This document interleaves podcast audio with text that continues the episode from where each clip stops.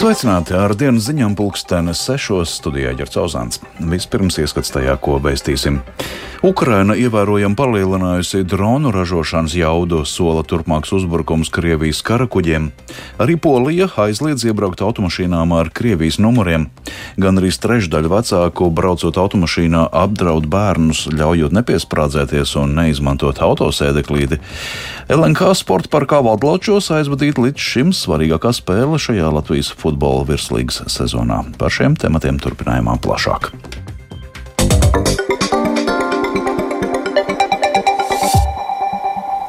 Ukrainā jau 570. dienu turpinās Krievijas pilna apmēra karš. Ukrainas otra lielākā pilsēta Harkiva piedzīvojas raķešu uzbrukumu. Rietumvalstu izlūki brīdina, ka arī šodien Krievija varētu veikt triecienus pa Ukrainas kritisko infrastruktūru. Savukārt Ukraina ievērojami palielinājusi dronu ražošanas jaudu, kas ļaus īstenot vairāk uzbrukumu ienaidnieku pozīcijām.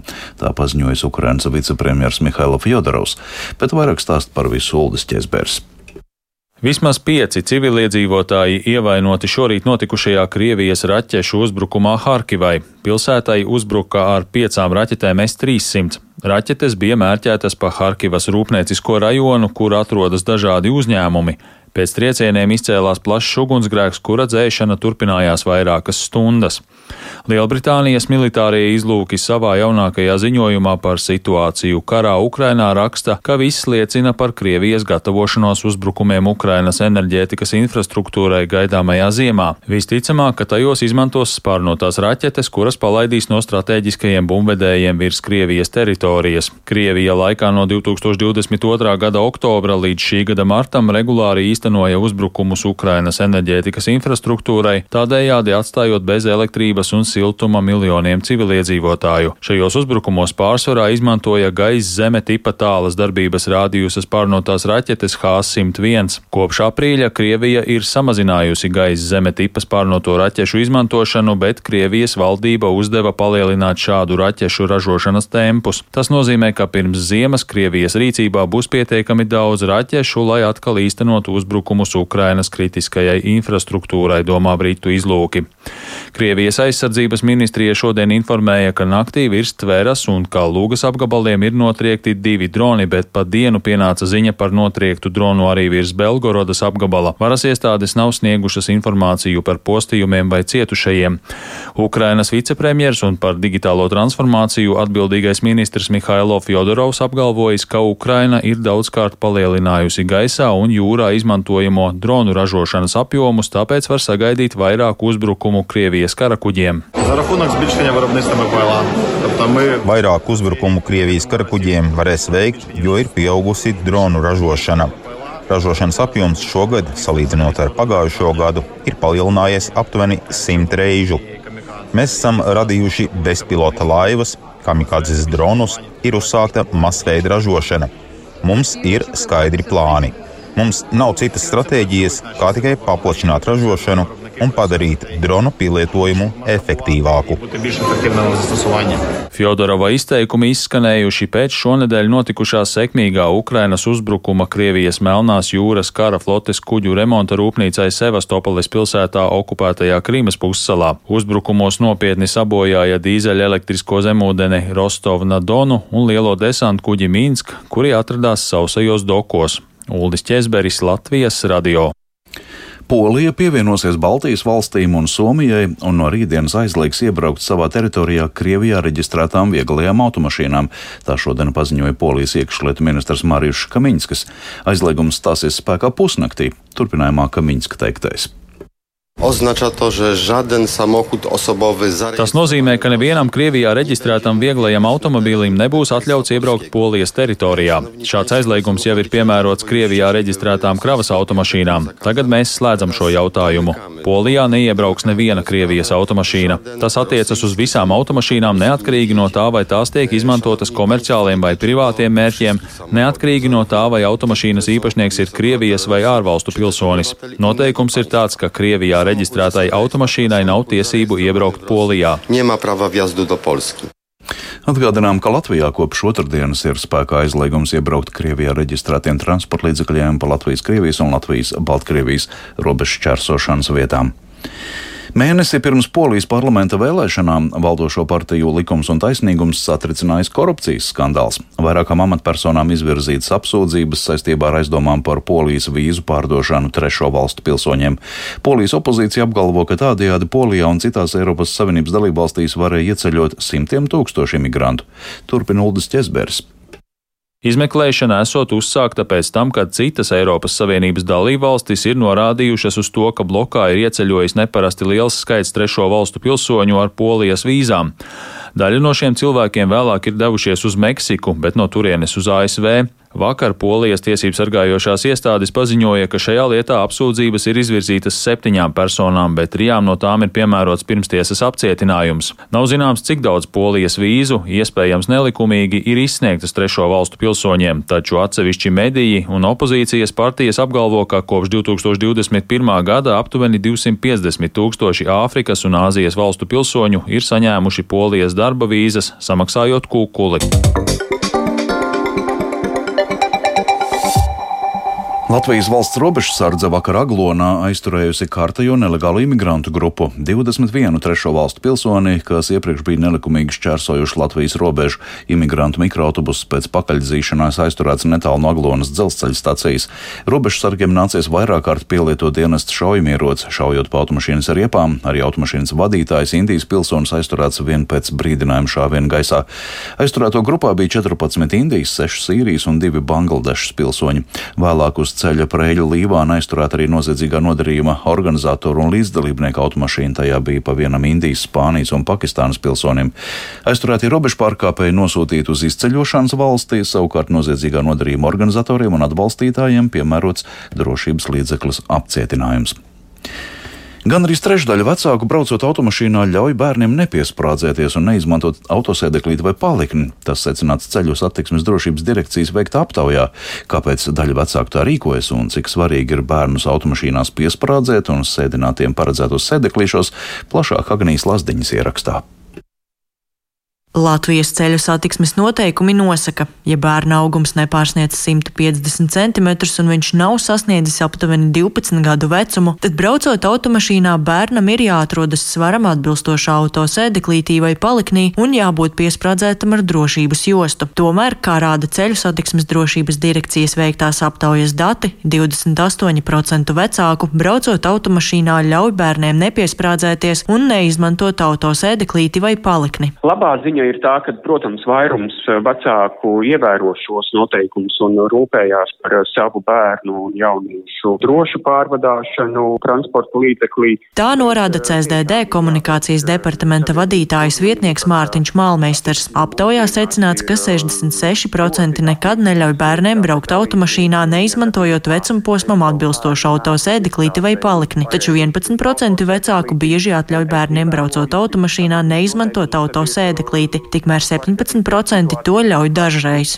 Iemesli ir dažādi. Visbiežākās atbildes ir tās, ka ir bijusi steiga, bērnu, tā teikt, iegansti, ka viņi negrib būt, būt piesprādzēti, ka viņiem nav vērti, nelielais attālums, kas ir jāveic uh, ar transporta līdzekli, bet, nu, neviens no šiem nav attaisnojums tam, lai uh, visi pasažieri, kas atrodas transporta līdzeklī, būtu drošībā. Valsts policijas prevencijas vadības nodaļas priekšnieks Andis Rinkevits atzīst, ka, lai gan ir vecāki, kas neapzinās vai neaizdomājas, ka bērniem ir nepieciešams autosēdeklītis, tomēr, diemžēl, ir pietiekami liela daļa, kas apzināti riskē ar bērnu drošību. Ja jūs neesat piesprādzējies vai nereti bērni nāc no šīm drošības jostām izlīst ārā, tad tajā brīdī šīs traumas ir ļoti, ļoti smagas. Turklāt jāatcerās, ka arī ātrums kas mums ir pieļaujams pilsētvidē, bija ceļu satiksmes negadījumi, tad arī šie 50 km/h ir ļoti liels ātrums,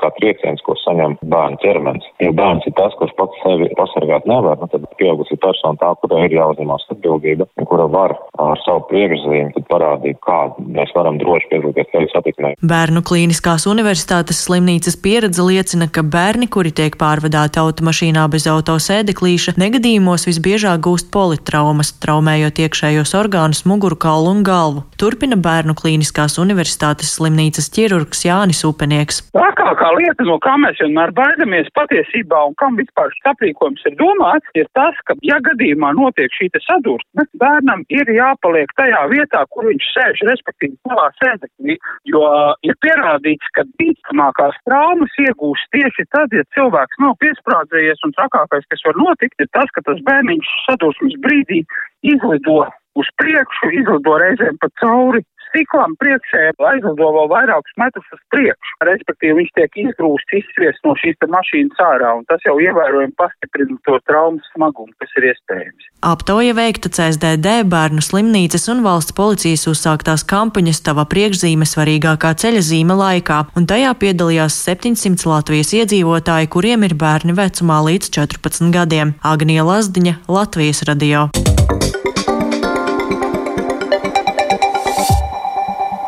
LNK sporta parkā Valdlaučos šodien tika aizvadīta līdz šim svarīgākā spēle šajā Latvijas futbola virslīgas sezonā. Pēdējais duelis starp abām titulu pretendentēm FC Riga un RFS. Abas komandas parūpējās par ļoti saspringtu spēles galotni, taču uzvarētāji tā arī nenoskaidroja, nospēlējot bezvārtu neizšķirti. Spēli klātienē vēroja kolēģis Reinis Grunspeņš, kurš joprojām atrodas stadionā un šobrīd pievienojies tiešraidē. Sveiks, Reini! Sveiks, Girta! Sveicināt klausītāji! Jā, nu pat ir noslēdzies pēdējais Rīgas derbijs šajā virslīgas sezonā. Eh, jāuzsver, ka tieši virslīgas, jo abas komandas var tikties vēl arī Latvijas kausa finālā, bet eh, šajā Rīgas derbijā jau ceturto reizi sezonā ir fiksēts neizšķirts. Tā arī nevienu reizi komandas nespēja noskaidrot uzvarētāju, bet eh, sezonas noslēgumā par čempionu kāda no viņām tomēr kļūs, un tā tad viss ir atkarīgs no tā, kā veiksies doļos pret citām komandām. Līdztēji jau viss ir atstājuši LNK sporta parka tribīnes, kuras jau divas dienas iepriekš uz šo spēli bija izpārdotas. Ja runājam par spēles gaitu, tad pirmajā puslaikā un arī otrā puslaika sākumā abas komandas spēlēja ļoti līdzīgi, bet, kad līdz spēles beigām bija palikušas aptuveni 20 minūtes, abas komandas palika arvien aktīvākas un agresīvākas uzbrukumā. Liela prieka mainieku RFS līdzutējiem bija 77. minūtē, kad pēc Petra Mareša brīvsitiena bumba nonāca spēlētāju burzmā un uh, To no vārtu priekšas vārtos raidīja Albānis Herdija Prenga. Taču uh, pēc video atkārtojuma noskatīšanās vārti RFS tomēr netika ieskaitīti, jo bija fiksēts aizmugurs stāvoklis vienam no RFS futbolistiem. Pēc tam 90. Eh, minūtē otro dzelteno kartīti nopelnīja RFS kapteinis Žiga Lipuščeks eh, un atstāja savu komandu mazākumā uz kompensācijas laiku. Eh, taču FC Rīga pēdējās minūtēs pie bīstamiem sitieniem tomēr nespēja tikt, un tātad ceturtais neizšķirts savstarpējās spēlēs. Tagad, eh, ja raugāmies turnīra tabulā, kur abas šīs komandas ir pārliecinošas līderis, tad FC Rīga ir saglabājusi pirmo vietu ar 71 punktu, bet RFS sako otrajā vietā ar 68 punktiem. Līdz sezonas beigām ir palikušas vēl septiņas spēles, un cīņa par titulu tātad vēl turpināsies. Vēl pieminēšu, ka dienas pirmajā spēlē bezvārtu neizšķirt spēlēja arī Jēlgavas un BFC Daugopils komandas.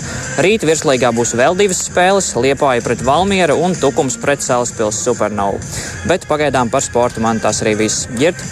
Jā, paldies, Reini. Reinis Grunspeņģis pār aktuālo Latvijas futbola virslīgas sezonā. Bet šodien arī notika dabas muzejā Mārs Zālīts grāmatas tango un tūtiņu sēnēs atvēršanas svētki. Šī ir jau otrā Mārs Zālīts grāmata par tango un tūtiņu. Stāsta Baiba Kušķa. Māras Zālītes jaunā grāmata tango un tūtiņa sēnēs varētu labi noderēt ģimenēm, kas tieši šobrīd ar bērniem kopā dodas sēnēs, jo tajā var izsekot abu galveno varoņu, abu sunīšu piedzīvojumiem mežā, bet arī iepazīt dažādas sēnes, kuras tango un tūtiņa satiek mežā. Kā jau parasti Māras Zālītes grāmatā ir arī dziļāk un simboliskāki slāņi, kas tēlēnā veidā bērniem palīdz saprast sarežģīto sēņu pasaules uzbūvi. Bērni, piemēram, uzzina, ka līdzās mežā atrodas atrodamajām sēnēm ir arī pelējuma sēne, rauga sēne, arī tējas sēne, un katrai no tām ir ļoti svarīgs uzdevums šajā pasaulē. Izskan dienas ziņas sešos, tās producēja Edgars Kupčs, par labskaņu rūpējās Renārs Štēmans un Mārtiņš Paiglis studijā Ģercauzāns. Yeah. Rīgā šobrīd gaisa temperatūra 19 grādi, dienvidu vējš 5 m2, atmosfēras spiediens 772 mm un gaisa mitrums 50%. Naktī Latvijā neliels mākoņu daudzums bez nokrišņiem, 8,13 grādu austrumos 4 līdz 8. Rītdienā daļai mākoņdienas vietām neliels lietus 18,22 grādi.